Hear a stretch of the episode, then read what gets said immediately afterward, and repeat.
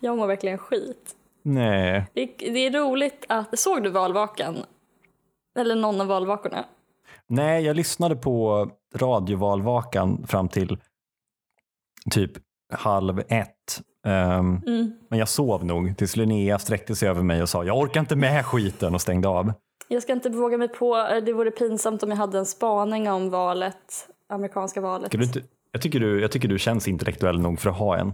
Nej, men däremot så ska jag bara säga att det är synd för alla oss eh, boomers som är lite känsliga för starka färger. Att det inte går att skilja mellan SVTs valvaka och Filip och Fredriks valvaka.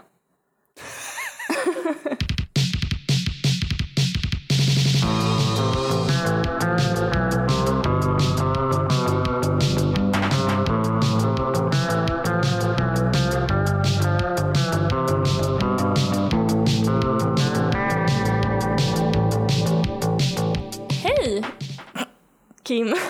Hej! Då sparkar vi igång tusen saker. Podden där vi... drar samtalsämnen ur en lista slumpmässigt. Vi har skrivit en punktlista under tre års tid och nu kommer vi slumpa fram några punkter och så kommer vi prata om dem. Ett helt vanligt samtal utan utrymme för improvisation. Lyssna på vår podd. Det är folk som har skrivit ner vad de ska säga. Nu är vi tillbaka, utvilade. Ja, och eh, framförallt eh, törstande efter varandras eh, närhet. Det är faktiskt helt sant. Det har varit, eh, det har varit jobbigt att se dig med någon annan. ja, men det har känts helt Så att, eh, fruktansvärt. Jag lyssnade på ditt och Florens avsnitt och ehm, jag vill inte kommentera det, men, men jag är framförallt imponerad över vilken social kompetens andra människor besitter när jag inte är en del av samtalet. Blev du trygg av det? Jag kände att jag liksom lyssnade på det i utbildningssyfte. Så här pratar vanliga personer med varandra. Att en, en konversation uppstår där jag brukar vara med, Mm. men nu är jag inte med. Mm. Att då få höra hur den utspelar sig. Mm. Ja, men det är lite som att blicka in i ett parallellt universum. Eller som en professor sa idag till mig, att eh, olika böcker har potential som inte, alla de här potentialerna kan inte realiseras samtidigt. Eh, så, Mm. men om man, om man väljer ett sätt att vrida, vrida verket på Mm. så låses andra möjligheter med den vridningen. Alltså för din tolkning. Vilka ögon du ger dig in i kast med boken. Liksom.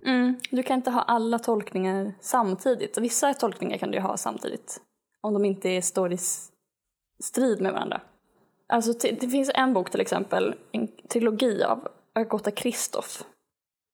Och då... Jag trodde verkligen du skulle säga Agatha Christie och så blev jag glad, uppfylld över att du blivit så folklig på den korta stund vi varit ifrån varandra. Agatha Christies eh, onda pretto-tvilling. En ungersk eh, höglitterär Agatha Christie. Om jag minns det rätt så, är, så finns det tre sätt man kan läsa den på. Och det ena är att det handlar om två personer.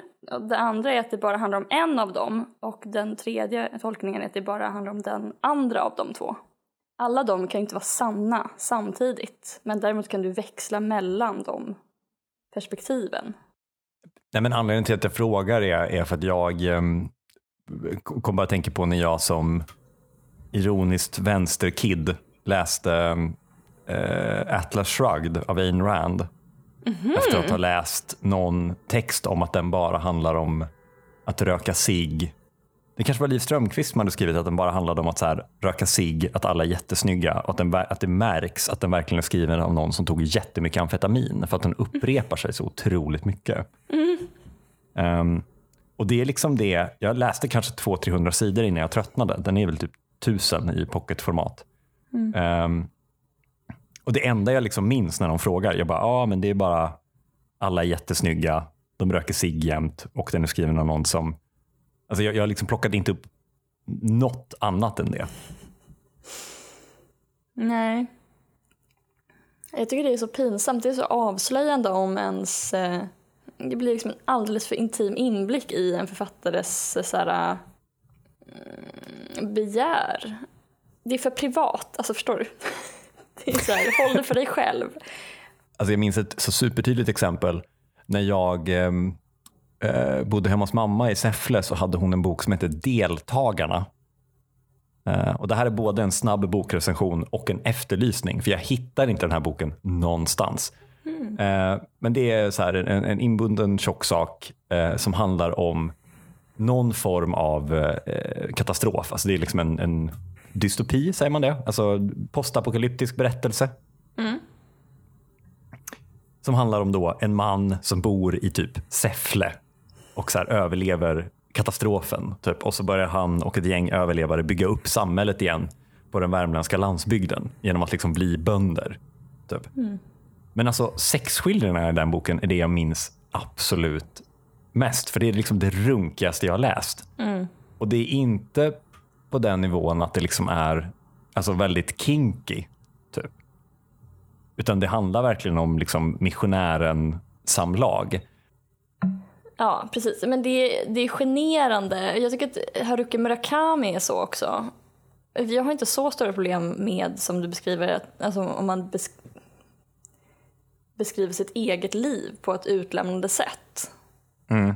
Men det är just den här när man, eh, när man märker att det är just författarens begär och drömmar. Man får leva i den här fantasivärlden för en stund när man skriver och då idealiserar man allting väldigt mycket. Ofta att så här, huvudkaraktären, ja men i Haruki Murakami så är det så här, alltid en, eh, en manlig huvudkaraktär och då är det så här 10-17-åriga tjejer med toppiga bröst typ som bara så här, vill ligga med honom hela tiden och så kastar sig över honom. Mm. Det finns ju många exempel på sådana kvinnliga begär också som eh, väldigt ofta går ut på att vara omöjligt smal. Att det är så här lång, väldigt ingående skildringar av hur smal huvudkaraktären är. Det är nästan, eh, nästan så att eh, hon inte syns. Eh, Hon är, om hon är står tvådimensionell. i, liksom, om hon vänder på sig så försvinner hon. Eh, någon gång så ska jag försöka samla citat ur eh, olika, inledningen på olika kända böcker skrivna av kvinnor. Så kan vi ha riktigt skoj tror jag. Vi, ändå låter, vi låter männen slide med alltså så här, Sina den, ingående skildringar av bröst. Men det, fin- det blir ju liksom en, en, en annan grej alltså med den här deltagarna. Då, då var det liksom uppenbart att han som har skrivit den på sin skrivmaskin i Säffle på 80-talet bara skrev med en hand om du förstår vad jag menar. Ska du skriva en bok om en Manic Pixie Dream Girl som får en superattraktiv, jättespännande äventyrare med familjeambitioner och så är hon jättesmal. Ja, eh, och kanske bli ihop med en PT. Så att hon kan bli ännu smalare. Den ultimata tjejförfattarporren. En jättesmal tjej som hittar en ännu bättre PT. Någon dietist. Hon har bokstavligen inget djup. Alltså hon Nej. är liksom bara bredd och höjd. Men inget djup. Ja men ny vecka, nya killproblem. Och framför allt nya sinnessjuka påståenden om eh, att vikingarna var incels. Det här kommer ju då från en bok som heter The Children of Ash and Elm, A History of the Vikings av Neil Price. Som jag tror är professor vid Uppsala universitet. Mhm. Då är det förmodligen sant. Mm, Mm, frågan är eh, plundrade vikingarna och varför? Och då han menar att eh, man kunde ganska lätt rekrytera unga vikingar på grund av en massa sociala problem och eh, eller det var så här eh, tre år utan sommar eller vad man ska säga. Tre väldigt kalla år med dålig skörd och sen då var- utlöste det en svältkatastrof. Ja, var det på 500-talet? Ja, hur visste du det? Nej, men den, eh, den, alltså så här, det är väl ansett att vara de värsta åren att vara vid liv någonsin. Det kan vara på såna här Buzzfeed-listor. Typ. Tycker du att du har Tycker du att 2020 är dåligt? Då, ska du, då skulle du ha levt för 1500 år sedan. Då jävlar. 536. Fimbulvinter. Sen så var det också eh, alltså romerska rikets fall. När romerska riket föll så um, var det en massa gäng som tog makt då. Men sen så var det då också så eh, att eh, man tog bättre hand om män generellt i det här, de här samhällena. Eh, och det kan man se bland annat på att eh, om man tittar på Alltså om, man, om man tittar på skelettlämningar så var ungefär 7% av eh, vikingamännen undernärda medan 37% av eh, kvinnorna var det. Mm. Det kan ju förstås också vara bantning. Men är inte det, den, eh, inte det den gamla teorin om att, att kvinnor generellt sett, alltså det finns ju större variationer inom gruppen kvinnor eh, än mellan kvinnor och män, men generellt sett är, är mindre än män berodde på att man i alla årtionden tänkt att tjejer inte är så stora i maten. Men de egentligen är det, så man har bara gett dem mindre mat för man har tänkt att de inte är så stora i maten. Och därför har så här, Ja. samhället premierat små kvinnor som inte är så stora i maten. Ja, just det. Ja, men kanske också att våra kroppar har utvecklats efter att ha varit undernärda och negligerade under så många tusentals år. För att män har varit mer värdefulla ju. Så att det har varit viktigare att hålla liv i män. Alltså eh, manliga bebisar. Gud vad äckligt uttryck. Fackliga bebisar. Manliga bebisar. Vad är du för något? Gardet? Hur som helst så då tror man att det var väldigt många, att det fanns ett överskott av män helt enkelt för att många kvinnor dog, många spädbarn, eh, Mm. flickspädbarn dog. Så då, då fanns det ett överskott av män helt enkelt. Och det, dessutom så um, var det vanligt att rika män eh, tog flera fruar och, och hade också um, konkubiner, eller vad heter det? Ja, konkubiner. Så att de rika och mäktiga männen de fick liksom många tjejer. Men fattiga killar fick inga tjejer. Och dessutom var det Mm. fanns jättemånga fattiga killar, eller det fanns jättemånga killar helt enkelt och jättefå tjejer. Eh, så det här ledde då till att eh, jättemånga vikingar var incels. Och därmed var de lätta att rekrytera till såna här gäng då. Mm. Rövargäng. Det är också ett, sätt, alltså ett väldigt tydligt sätt på hur um, dåliga vi människor är på marknadslogik.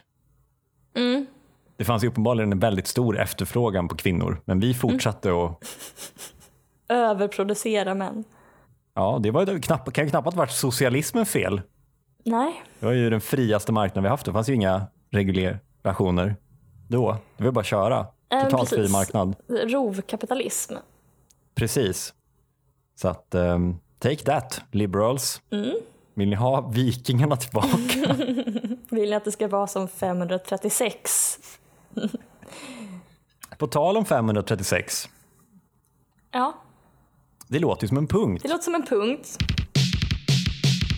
801. Memes är den enda samtidskulturen som speglar konstens och idéers faktiska struktur och belägenhet. Står i dialog med alla andra verk, gemensamt tänkande, tydligt, synligt nätverk, mysel av intertexter, motsatsen till originalitet och unik genial upphovsperson. Jag förklarar det Sassor, strukturalism, Julia Kristeva, Bachtin och Bartes. Varför är jag sån här, Kim?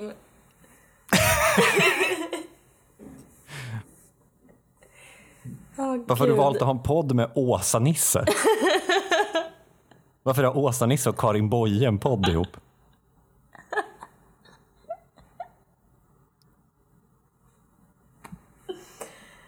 oh,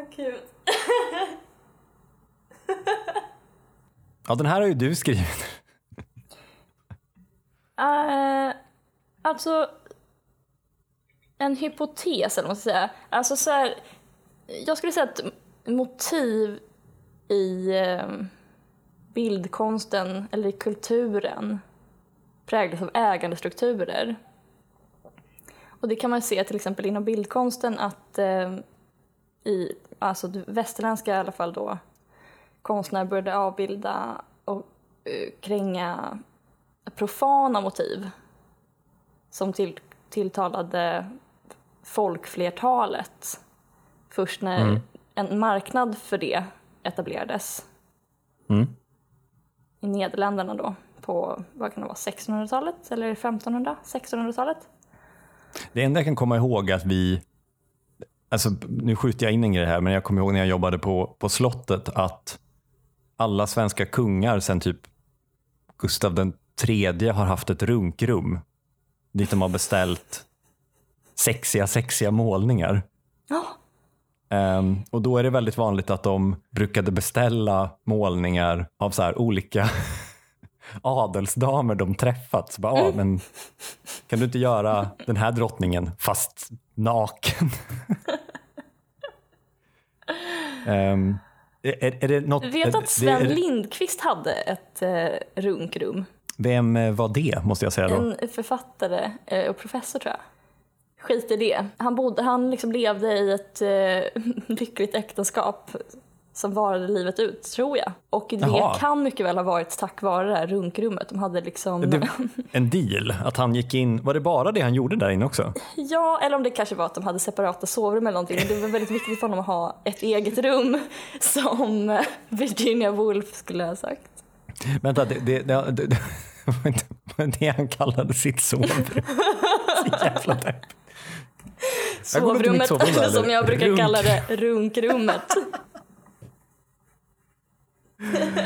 Snälla fortsätt med din, din fina föreläsning om konst. Jag, jag känner att jag, jag, bara bidrar med under du, men Det är faktiskt ett jättebra exempel. Det är precis det jag menar. För att alltså, innan den här marknaden fanns så var ju det var ju beställningskonst nästan allt. Och då var det just kungar och mecenater och sådär som beställde verk och då var det det som återspeglades i motiven. Alltså att konst för konstens skull? Mm, konst för konstens skull är liksom senare, det är, ju, det är ännu senare, det är ju 1800-tal. Men under kyrkans inflytande till exempel så är det också tydligt att det är bibelmotiv. Mm. Så mycket, så, så här, renässanskonst och barockkonst, eh, framförallt renässanskonst och tidigare, det är ju liksom bibelmotiv och på, vissa porträtt då. Men sen då, precis som du säger, konst för konstens skull, det har ju att göra med att idéernas ekonomi idag mm. är byggd på upphovsrätt och, och, patent. Och som i sin tur är byggd på originalitet. Det här pratade jag om i något annat avsnitt. Så att för att du ska få ersättning överhuvudtaget så måste ditt verk uppnå verkshöjd. För att det ska mm. skyddas av upphovsrätt. Och verkshöjd, det är så i lagen så står det att så här, det, det är en jätte, jätteflummig lag som bara är så här, jag tror att det på riktigt är så här att så här, det, det, är liksom ett, ett rum med advokater då och så sitter de och funderar på hade någon kunnat upprepa det här motivet? Men, ja, men som sagt, men det har ju liksom inte varit ett ideal eller ens ett projekt förrän ganska nyligen. Så genom historien så har det ju snarare ägnat dig åt reproduktion av mm. att så här, Judit halshugger Holofernes kanske till exempel i olika vinklar. Eh, till exempel Michelangelo har ju gjort en skulptur som är, både du och jag har sett va? Goliat. Mm. Nej, inte Goliat. David. jag bara, ja absolut, jag har sett Goliat. det hade varit, ja. Han, men han är ju för sig också ofta bara avbildad Goliat. Um, Michelangelo har gjort en version av David som var liksom helt nyskapande. Alla bara mind blown. För att han, det är innan de möts. Och han står bara och samlar kraft typ. Samlar sig lite inför det här mötet. Eh, och så knyter han näven kanske. Och så ser han ut, han ser tankfull ut. Så det är liksom innan det här klassiska motivet som är just i eh, där han står med Goliats huvud kanske. Den typen, det är ungefär det utrymmet för originalitet som har funnits genom historien. Att så här, åh nu har vi David några sekunder innan. så det här är ju då en romantisk idé, precis som alla dåliga idéer. Då menar jag alltså romantiken, alltså som epok. Epoken Du vill fortfarande ha blommor ifall någon funderar på det. Precis. Den här andra sortens romantik har jag inget otalt med. Ja, men så, sen så finns ju då Mikael Bakhtin till exempel som skriver att det är inte så det funkar. Alltså det är inte så att ett geni får gudomlig inspiration och originella idéer. Eh, utan alla verk, alltså livet självt är dialogiskt. Allting pratar med allting annat. Eh, livet och språket och konsten är gemensam. Eh, vi, vi liksom deltar i ett oändligt samtal som sträcker sig framåt och tillbaka till tiden. Och Ferdinand de Saussure då till exempel, eh, han menar att själva språket är som ett inbördes refererande teckensystem. Eh, och det är relationen mellan tecken som skapar mening. Så ungefär, man kan tänka sig att ett ord kanske får sin innebörd av summan av alla dess användningar. Så då, alltså Ferdinand Sassur inspirerade ju väldigt många olika andra, typ bland annat då Julia Kristeva. Men om man liksom bara stannar där vid Sassur så är det ju att varje samtal eller varje text är i sina minsta beståndsdelar pekande ut från sig själv åt ett oräkneligt antal håll. Men detsamma gäller för alla nivåer av tecken och det är det som sen Kristeva uttrycker eh, när hon introducerar intertextualitet eh, som beskriver förhållandet mellan alla texter som ett oöverblickbart nät av hänvisningar. Och Roland Barthes skriver i Litteraturens nollpunkt att ehm, originalitet är en utopi eftersom en verkligt originell upphovsperson skulle behöva, bef- eh, behöva uppfinna ett helt nytt språk som därmed inte skulle fungera som språk eftersom det inte skulle förstås av någon annan och alltså inte vara ett språk då. Så hänvisandet inte bara krävs för att skapa mening utan det är mening. Ja, så det är egentligen att, det här, att idéers ekonomi bygger på privat ägande, det är ju liksom en naturvidrighet och det är inte så det funkar. Och det borde vara helt självklart att äga idéer gemensamt och att alla i någon mening är upphovspersoner.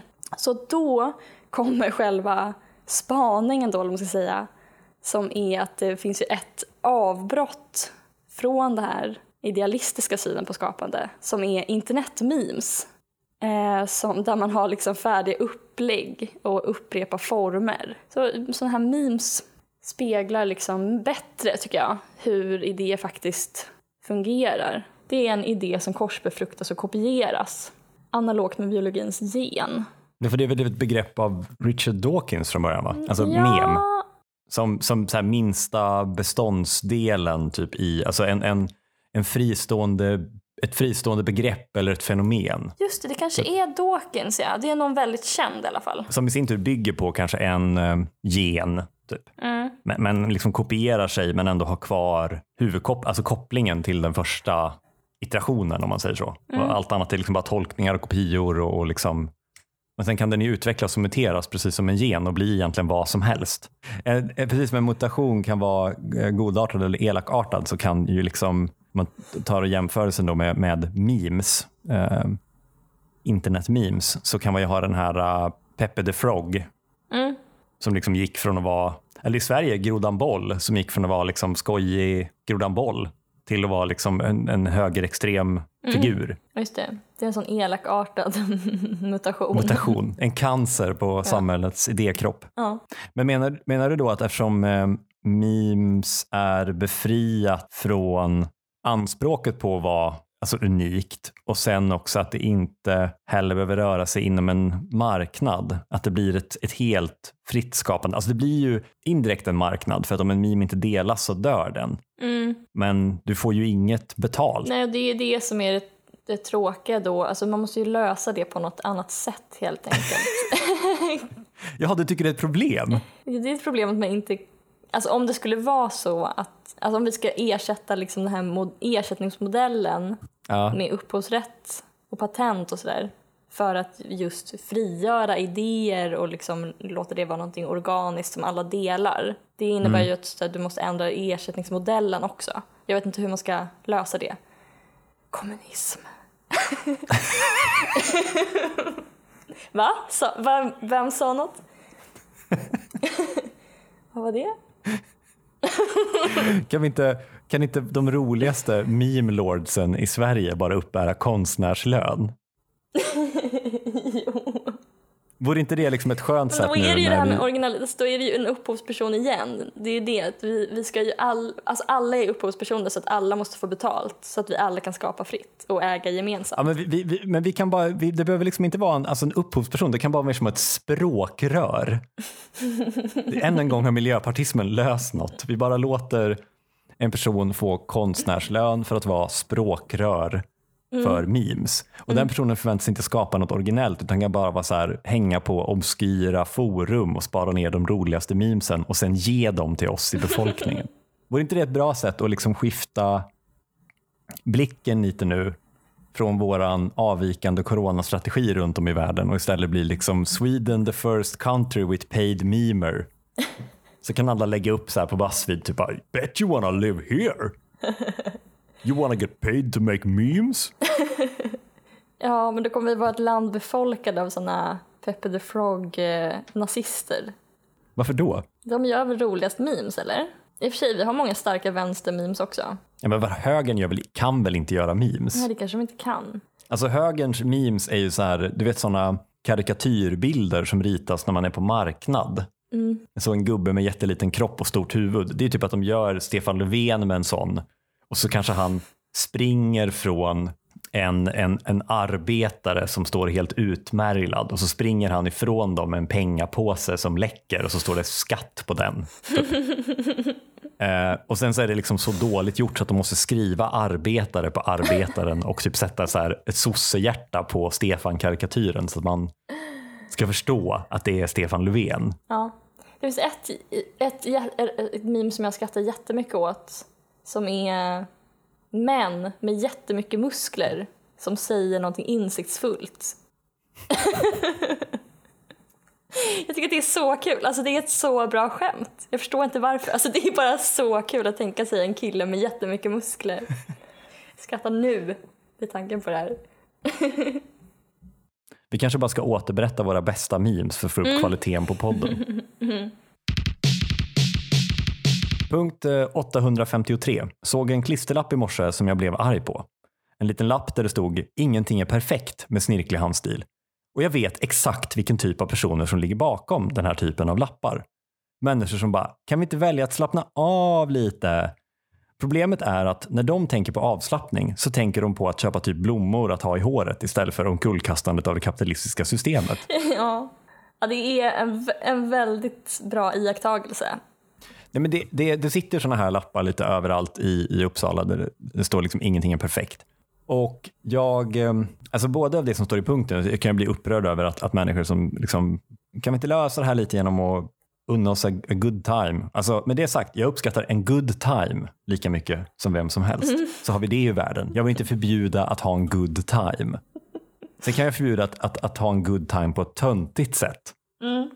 Genom att typ ha blommor i håret. Ehm, men det jag stör mig på är bara att med Det är den verkligen typen av sänkt människor. ribba för att ha en good time också. ja, fortsätt. Men det är sådana människor som kan packa i liksom 45 minuter för en picknick. Mm. Ha med sig tygservetter. Ja precis, det vore inte romantiskt om vi släpade upp varsin fåtölj. Man bara nej det vore jättejobbigt. Ja, nej men det jag stör mig på med den typen av personer är att alltså, så här, ingenting är perfekt känns som en sån jävla avsnabbning av någon som liksom inte har gjort det de ska och förväntar sig att någon annan ska lösa det. mhm. Man bara, ingenting är perfekt för att du inte har gjort det perfekt. Alltså för att du inte har gjort det du ska. Mm. Istället går du runt och vandaliserar elskåp med dina jävla snirkliga lappar. Nej, men alltså, hade det Lägg varit inte det här på mig. nej, men hade det varit ingenting är Det perfekt. hade med varit perfekt en, om du hade gjort det som du skulle, Karin. nej, men hade det varit ingenting är perfekt med liksom en serif-font, alltså så här, Times New Roman. Då hade jag kanske känt så här, ja men det är fan inte perfekt ibland. Det är klart att man får slappna av lite då och då. Livet behöver inte vara så jävla mycket press. Men när det är med den här snirkliga handstilen, det är då det är då det fräser till med den Johanssonska stekpannan. Här har du lagt tid på att snirkla till din handstil medan saker inte är perfekt. Hade du inte lagt lika mycket tid på att snirkla handstil som att faktiskt fixa saker så kanske det hade varit mer perfekt åtminstone. Någonting kunde varit perfekt. Jag håller helt Förstår med. du vad jag menar? Jag håller helt med. Känner du igen dig? Jag tycker också att eh, det är, men alltså som att man eh, ger upp, alltså så här, det är klart, eh, alltså så här, stating the obvious att det inte är perfekt, men, eh, men det är ingenting man ska acceptera, tycker jag. Alltså det är ju verkligen, det ska man ju kämpa emot. Det är dåligt att det inte är perfekt. Ingenting är perfekt och det är dåligt. ja, det brukar jag lägga till då under. Med Times New Roman handstil. Man bara, man bara känner att så här, det är... Jag, vet inte, jag känner mig personligt träffad. Som att någon säger det till mig när de har satt sig i en jobbig sits som jag vet att jag måste hjälpa dem ur. Ja, okej. bara, allting var perfekt tills du kom med inställningen att ingenting var perfekt och nu måste jag hjälpa dig. Det är också lite av en förolämpning. Man bara, jaha, tyckte du inte att det var tillräckligt bra det här jag gjorde? Så jag, tyckte, jag var jättenöjd tills du kommer påstå att det inte är perfekt. Vem ska se den här lappen? Det är ingen som kommer att gå förbi och ha en jättedålig dag, se den där och bara nej, nej, ingenting är perfekt. Nu ska jag släppa min jobbpress. Alltså det är väl det också, de tänker typ att de gör samhället en tjänst genom att klistra upp ingenting är perfekt. Ja, men det är att nöja sig. Alltså så här, Nej, men jag, tycker också att, alltså jag tycker också att vi alla skulle kunna jobba lite mindre, vara lite mer lediga, sänka våra ribbor etc. etc. Men inte med inställningen ingenting är perfekt. Som du säger, alltså det blir ju som att så här, ibland får det vara lite skit, vi bara nöjer oss med det sämre. Utan vi ska liksom hitta den högsta nivån och så ska vi bara sänka den så att det som är medelbra nu blir det nya perfekt. Alltså vi som samhälle går ihop och börjar underprestera. mm, Så att så, saker och ting blir fullt av lite stavfel och tåg kommer lite hipp som happ i tid. Och vi alla bara tänker att så här, ja, nej men, eh, att tåget kommer inom tio minuter. Det är perfekt. mm. Istället för att säga att tåget är en minut sent och så bara, ja, nej men ingenting är perfekt. Så sänker vi ribban för perfekt. Du tycker att vi ska göra det? Jag tycker absolut vi ska göra det. Jag vill att allt ska vara perfekt, men jag vill att perfekt ska betyda medelbra. Ja, okej. Ja, alltså jag tycker kanske... Mm. Jag, jag är för en hög nivå. Både privat och eh, på en mer eh, makronivå. Jo, men, jo, jo, men, men alltså, hög nivå är ju en social konstruktion. Vi kan ju Nej, själva va? bestämma vad en hög nivå är. Nej, nej va? Det, det, måste ju, det går ju att mäta ändå.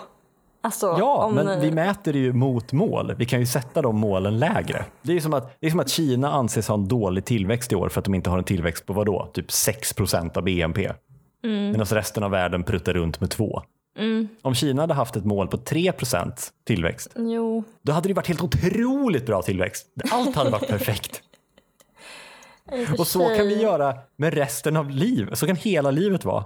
Ja, Jag är lite tjock, det är perfekt. eh, ja, jag bara orolig att man ska liksom eh, urskuld att det är så här, ja ja, Irene Svenonius sjabblade bort eh, miljarder, hur många miljarder det nu var. Eh, ingenting är perfekt. Ja, ja med, med den typen av, alltså med den, den lappen ursäktar ju Ingrid Svenonius. Ja, men Men vet. min plan om en bredare, allt ska vara perfekt men perfekt ska vara en lägre nivåplan, Mm. som jag nu kallar den. Den skulle ju vara så att, okej, men Ingrid Svenonius sjabblade bort si så många miljarder. Irene, för, förstör inte min härskarteknik här nu. Förlåt. Ingenting är perfekt. Ingenting är perfekt. Nej, men då skulle ju eh, Irene Svenonius kunna schabbla bort några miljarder. För vem har koll på statskassan? Någon miljard hit eller dit. Ja. Mag- Magdalena Andersson kliver upp, kör precis. Det finns cash, Jag vet inte exakt hur, hur mycket. Men... det är lugnt, tror vi. Det vore, det vore nice om ni alla betalade era räkningar.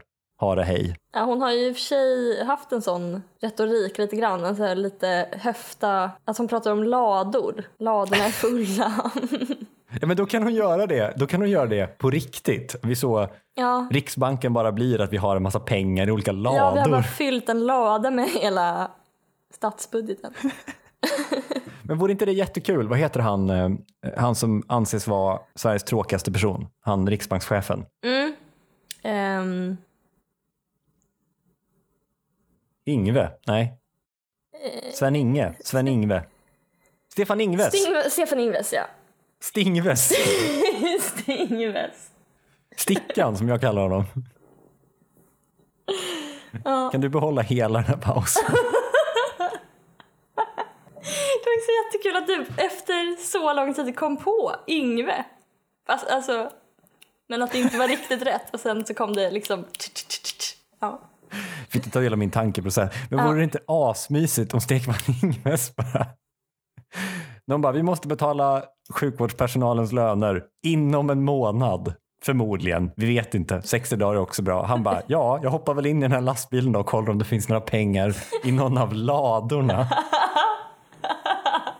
Vilken adress bor du på? Ja, eh, Storgatan 12 L fram till 24, där någonstans. Skulle vi äta middag med Peter och Karin eller med Kristoffer och Linda? Jag vet inte, någon av dem. De är lika glada båda två. Vi, vi har liksom inte personnummer, vi har så här ett ungefär olika...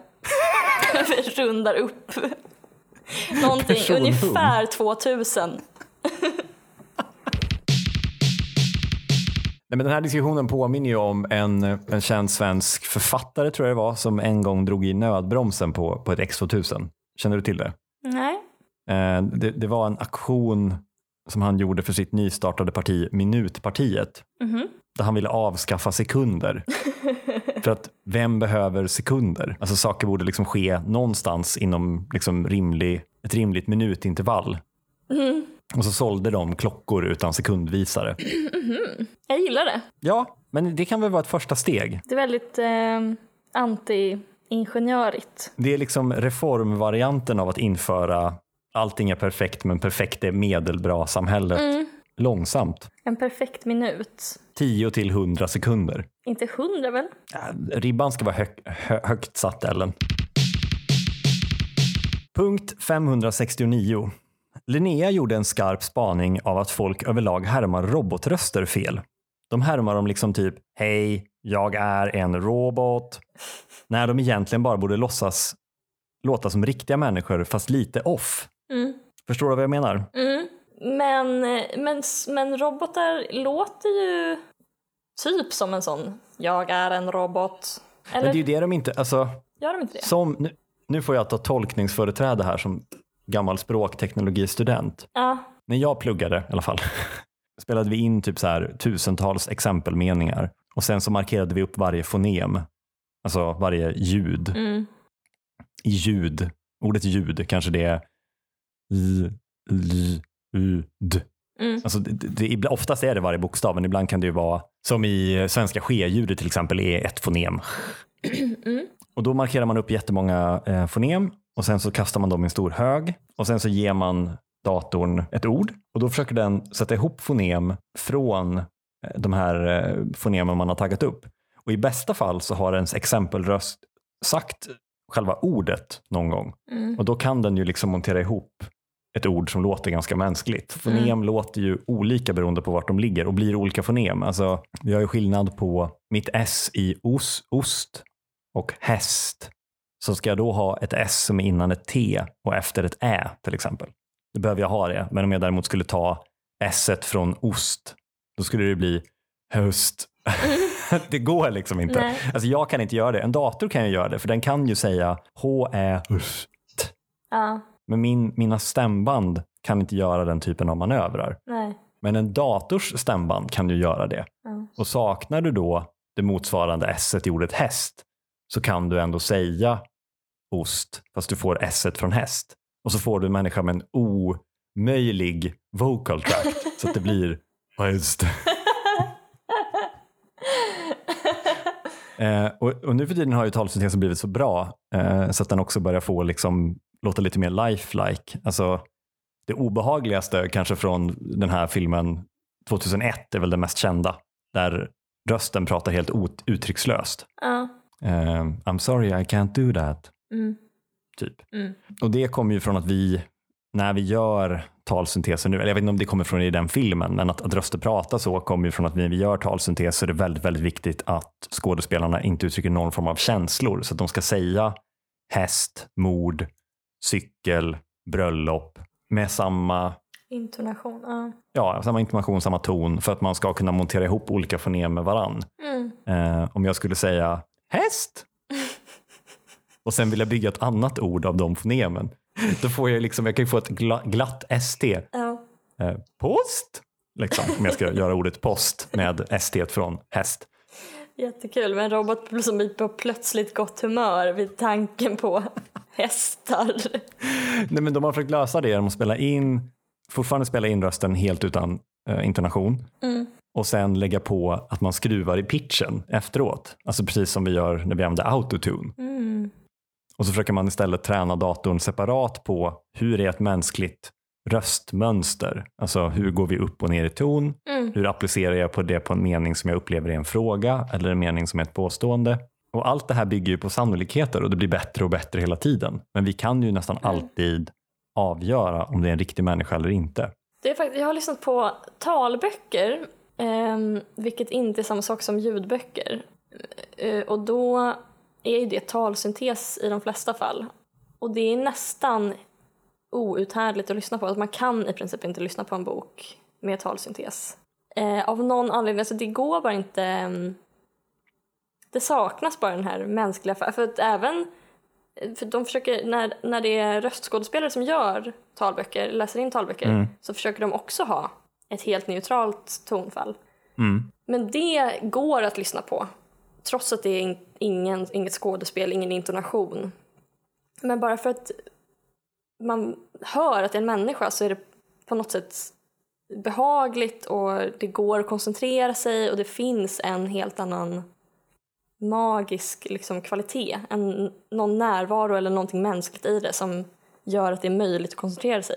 Men jag förstår, jag förstår ärligt talat inte hur folk kan använda talböcker med talsyntes. Det är väl för att de måste. Ja, de måste jag i och för sig. Typiskt dig att ha don't, don't check your hearing privileges. Ja, precis. Flexa min, flexa min goda hörsel. Hur var det där? En viskning? Var det en mus som tänkte högt? Eh, nej men eh, då borde vi ju egentligen prata mer alltså med o, alltså nu är det ju svårt för oss att härma en omöjlig, vad ska man säga, talmekanism. Alltså jag kan inte säga ost med samma S som i häst. För Nej. jag kan inte flytta liksom mina stämband och min tunga på det sättet. Nej. Men det vi däremot kan göra är ju att vi kan skaffa oss ett helt orimligt eh, intonationsmönster. Vill du ge något exempel? Nej, men vi skulle kunna prata så här. Ja, Kanske skulle kunna förkorta eller förlänga fonem på ett ologiskt man sätt. skulle ihop kunna med förlänga eller förkorta fonem. förkorsta. Man kan också låta det bli överspill från andra fonem om man ska ta till exempel fonem från ordet kors Mm. och så vill man använda s någonstans där det inte finns ett r. Det är ganska svårt att separera r från s. Mm. Så man skulle kunna säga häster, härster, härst. Sy ihop den här säcken med att jag visar dig mitt bästa partytrick? Mm. Jag eh, kan härma SJs gamla telefonbokning. Mhm. Kommer jag känna igen den? Jag hoppas det. Mm. Hej och välkommen till SJ. Vill du boka resa? Tryck 1. För ombokning, tryck 2. För kundservice, tryck 3 eller vänta kvar. Just det, jag känner igen den jättemycket. Ja, det flög verkligen på fester där 2012. Eh, du har lyssnat på Tusen saker med mig, Ellen Theander, och Kim Johansson. vi kommer ut på tisdagar klockan sex på morgonen. Producent var Sally Eriksson. Ansvarig utgivare är Ellen Theander. Låter jag som han eh, Edgar Mannheimer?